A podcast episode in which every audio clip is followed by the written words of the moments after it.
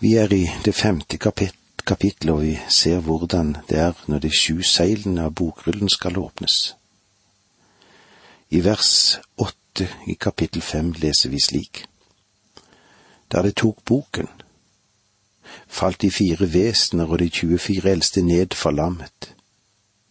Hver av dem hadde en harpe og gullskåler fulle av røkelse. Det er de helliges bønner.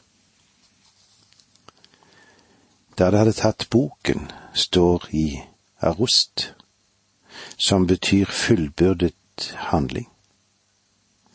Dette er det store moment i all skapelse, og den Herre Jesus tar over nå. La du merke til at de fire vesener og de tjue fire eldste tilber lammet? La du merke til det?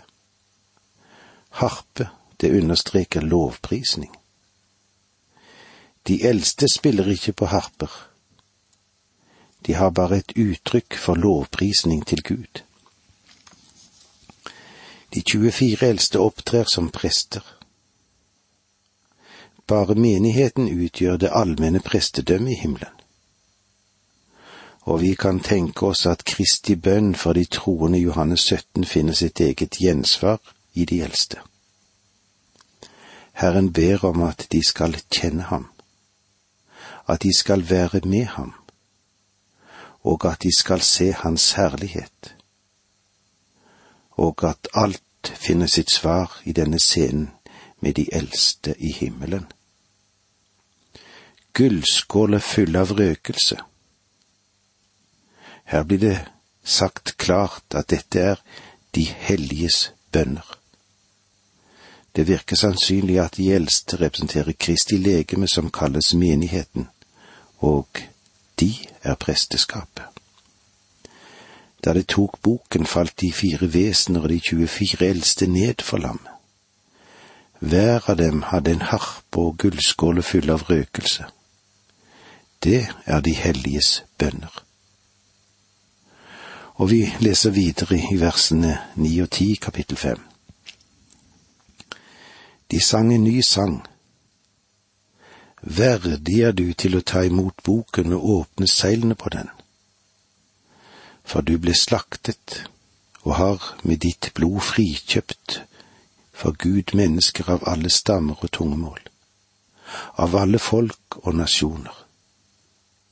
Til et kongerike har du gjort dem, til prester for vår Gud, og de skal herske på jorden.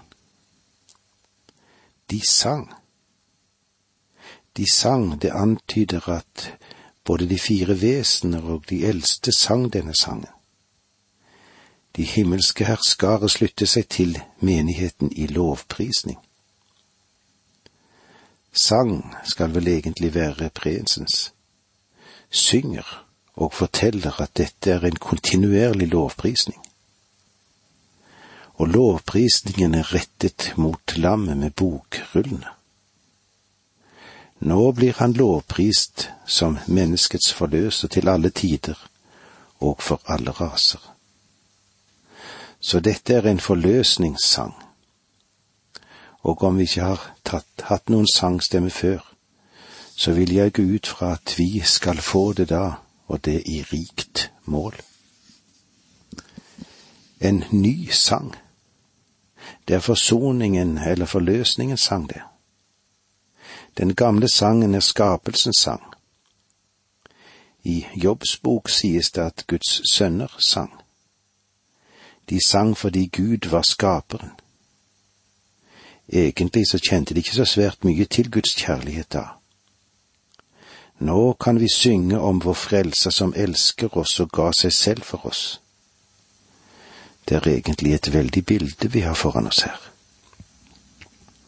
Verdig det antyder at han nå fyller hele horisonten, for de gir ham sin lovprisning og sin tilbedelse. Faktisk betyr tilbedelse å gi tilbake verdi til det som tilhører ham. Og han er den eneste som er verd vår lovprisning. Og har med ditt blod frikjøpt for Gud mennesker av alle stammer. De synger om det blodet som han ga i himmelen. Det er der sangen nå lyder. Og jeg har inntrykk av at alle av de salmebøker nå blir revidert, så tar de bort en del salmer som henviser til hans blod. Men i himmelen, der vil det bli satt inn igjen i salmeboken. Så jeg håper ikke at du synes det er pinlig å synge om Jesu blod, for det kommer du til å gjøre i himmelen. Endringer av pronomene fra oss til dem er viktig. Slik jeg ser det, antyder det de priser lammet for dem som skal bli frelst på jorden, de hellige under trengselen. Til et kongerike har du gjort dem til prester. Det henviser til de hellige fra trengselstiden.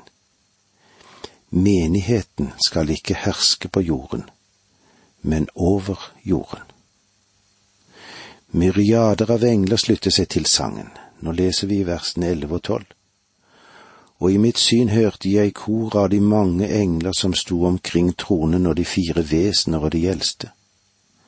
Det var titusener på titusener og tusener på tusener av dem.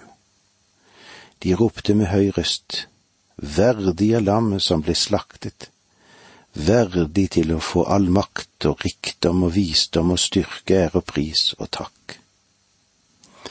Når Johannes sier titusener på titusener og tusener på tusener, så tror jeg at han mener at det var så mange at de ikke kunne telles. Du kan tenke deg Johannes sine ord omskrevet slik. Da først ble jeg oppmerksom på en gruppe engler rundt de eldste, og de sang, og jeg syntes det var vidunderlig. Men plutselig så så jeg meg rundt, og du verden, det var en skare så stor at det umulig kunne telles. Ingen kunne ha talt dem. En computer ville ha brutt sammen. Alle han skapte vesener lovpriste ham, jeg vet ikke hvorfor du ønsker å komme til himmelen hvis du ikke vil tilbe og lovprise ham her nede. Vers 13 og 14 Felles tilbedelse av Frelseren og allers Gud. Og hver skapning i himmelen og på jorden og under jorden og på havet, ja, alt som der finnes, hørte jeg si. Han som sitter på tronen, han og lammet skal ha all takk og ære, pris og makt i all evighet. De fire vesener svarte amen, og de eldste kastet seg ned og tilba. Enhver tenkelig Guds skapning slutter seg til den universet tilbedelse både i himmelen og på jorden og vi kan tenke oss at også dyrene på jorden og fisken i havet slutter seg til denne mektige lovprisningen. Livsvesen legger sitt amen til dette, og menigheten faller ned i stille tilbedelse og lovprisning. Om jeg hadde kunnet, så ville jeg ha sunget i hallelujakoret. For når vi kommer til slutten av denne mektige scenen i himmelen, ser vi at all pris og ære og tilbedelse må gå til den Herre Jesus Kristus. Om du ikke har for vane å tilby og lovprise ham, hvorfor begynner du ikke nå? Du kan begynne litt smått, men for all del, begynn i alle fall. Og hver skapning i himmelen og på jorden, under jorden og på havet, ja, alt som der finnes, hørte jeg si. Han som sitter på tronen, han og lammet skal ha all takk og ære. Pris og makt i all evighet. De fire vesener svarte amen, og de eldste kastet seg ned og tilba. Og med disse ordene sier vi takk for nå. Må Gud være med deg. Dette undervisningsprogrammet består av to deler. Åge Nevland fortsetter nå med andre del av dagens undervisning. Vi er i Johannes' åpenbaring. Vi har nå gått igjennom de fem første kapitlene, og nå er vi kommet til det sjette kapitlet. Og eh, det sjette kapittelet i åpenbaringsboken, der finnes det en stor grense, et skille. Eller skal vi si den store delelinjen i åpenbaringsboken. Og her er det en deling som er meget viktig. Her er det som et vannskille, et vanndele, der den ene hovedstrømmen går mot øst og den andre mot vest. En delelinje som skiller to verdener fra hverandre. Det er dette som vi møter i Åpenbaringen seks. Den tredje og store hoveddelen i åpenbaring begynte med kapittel fire, der vi fant oss selv rykket opp til himmelen. Johannes ble løftet opp til himmelen, og vi dro dit sammen med ham og begynte å se ting i himmelen. Men vi så ingenting der som var merket kirken eller menigheten. Fordi menigheten var det et navn den fikk da den var her nede på jorden. Men det vi så, det var de 24 eldste. På et eller annet vis må de 24 eldste ha kommet dit. De ble løftet opp, og de representerer menigheten som ved den tid er i himmelen sammen med Kristus. Fra dette punkt i åpenbaringen blir menigheten ikke lenger nevnt på jorden i det hele tatt. Det kommer en innbydelse ved slutten av boken, og den kommer fra menigheten men det viser tilbake til den tid som vi nå lever i. Det er en ganske veldisponert utvikling i åpenbaringsboken, og eh, vi må følge Peters regel for profetier, slik som det står i hans andre brev, kapittel 1, vers 20. Men dere må fremfor alt vite at en ikke kan tyde noe profetord i Skriften på egen hånd. Det vil si at du ikke tolker noe profetord i kraft av deg selv. Enhver profeti må ses på som en del av et system og et program, og den må knyttes sammen med de øvrige. Og når vi kommer til det sjette kapitlet, så har allerede mange glemt at Johannes ga oss disposisjon i åpenbaringen. Johannes, han fikk dette fortalt i åpenbaringen 1.19. Så skriv da, altså punkt 1, det du har sett. Det var det herlige syn av den triumferende herliggjorte Kristus som øverste prest mellom lysestakene, der han holder lyset brennende her på jorden. Og det andre var det som nå er det var de syv menighetene som representerer menighetens erfaringer på jorden fra pinsedag til pausien, det vil si bortrykkelsen. Fra den øvre sal til den øvre himmel. Menighetens totale historie på jorden. Og det tredje som skal komme. Og det som heretter skal komme, metatuata Fremstillingen av menigheten på jorden ble avsluttet med kapittel tre. Johannes sa metatoata deretter to ganger ved åpningen av kapittel fire. Derfor må det være naturlig å trekke slutningen med at kapittel fire begynner ved å se at Johannes vil vise oss det som heretter skal komme. I kapitlene fire og fem var vi i himmelen med Johannes. Det første vi så der var en trone, og den Herre Jesus var der. Han er løven av Juda som sitter ved Guds høyre hånd og venter til fienden blir lagt som fotskammel for hans føtter. Han er også lammet. Og vi merket oss understrekningen av hans offer ved hans første komme. Han er lammet, fordi han er forløseren han er den som er i stand til å ta bokrullen med de syv seil, som er den absolutte person som har odelsretten til denne jord. Vet du at den Herre Jesus er den eneste som kan dømme denne jorden. Han er den eneste som er i stand til å dømme. Ikke bare på grunn av den han er. Han er Gud kommet i menneskeskikkelse, men også gjennom det han har gjort. Han skapte denne jorden, og det gir ham en rettighet. Han blir tilbedt i kapittel fire som skaperen. Men deretter så forløste han også jorden, og i kapittel fem blir han tilbedt som forløseren. Siden han både er skaper og forløser, er han den eneste som er verdig til å dømme denne jorden. Han er den eneste som er i stand til å herske over denne jord. Hvilken grunn til ettertanke for mennesket som i begjær etter mer vil være dommer over jorden? Hvilken rett har vi til å felle endelig dom? Hvem tror vi at vi er?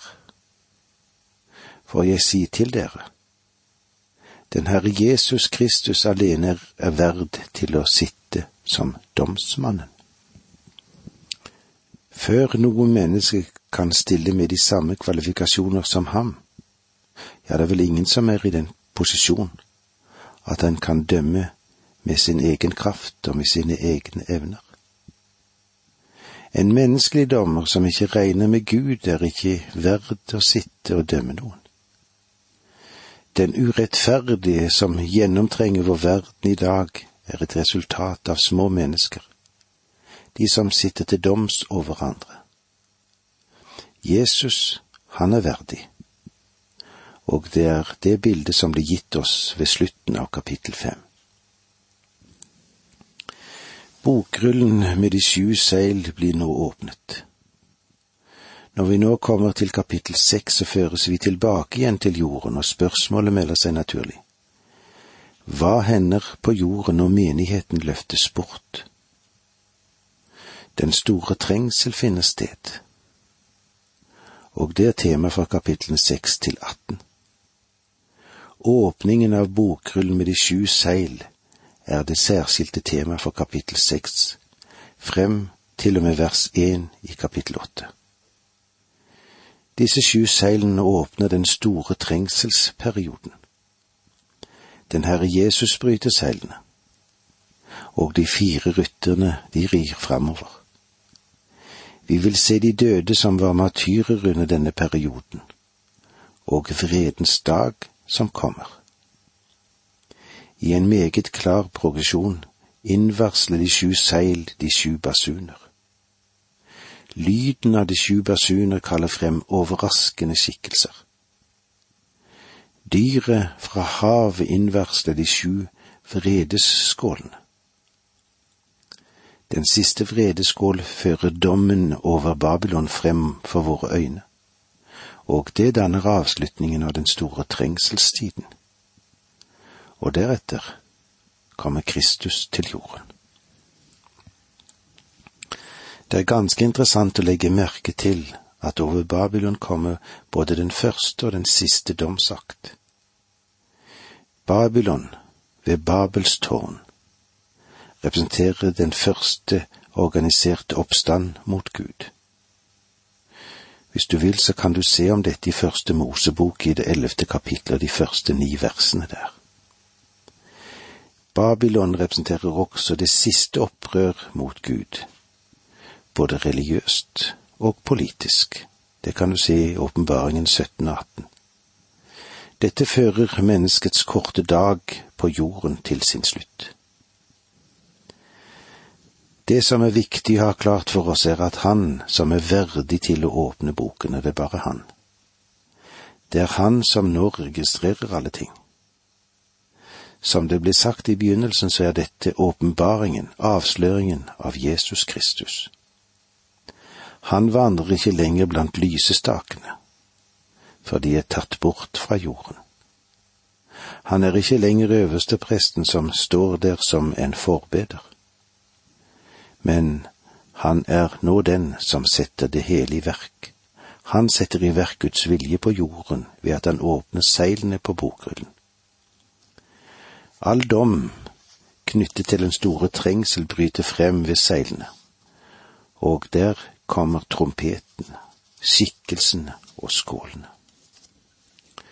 Den store trengsel, den har sin start i himmelen. Jesus Kristus leder hele operasjonen. Og det er grunn til at en i Salme 2,9 sier, Du skal knuse dem med jernstav. Mange vil nok si at de liker ikke dette. Men har du et bedre forslag, hvordan han skal knuse all oppstand på denne jord? Om du har en bedre løsning, vil du da formidle den til en Herre Jesus? Hvordan tror du at han skulle gå frem? Sett nå at han kom på samme måte som da han kom første gang. Tror du at de er klar over dette i Moskva, i Washington og London eller Oslo? Til å overgi all autoritet til ham? Og hva med de andre land i verden? Det er en ting vi kan være ganske sikre på. Ingen er rede til å gi ham makten. Og la oss tenke igjennom disse tingene til vi møtes igjen neste gang, for det var så langt vi kom i dag. Takk for nå må Gud være med deg.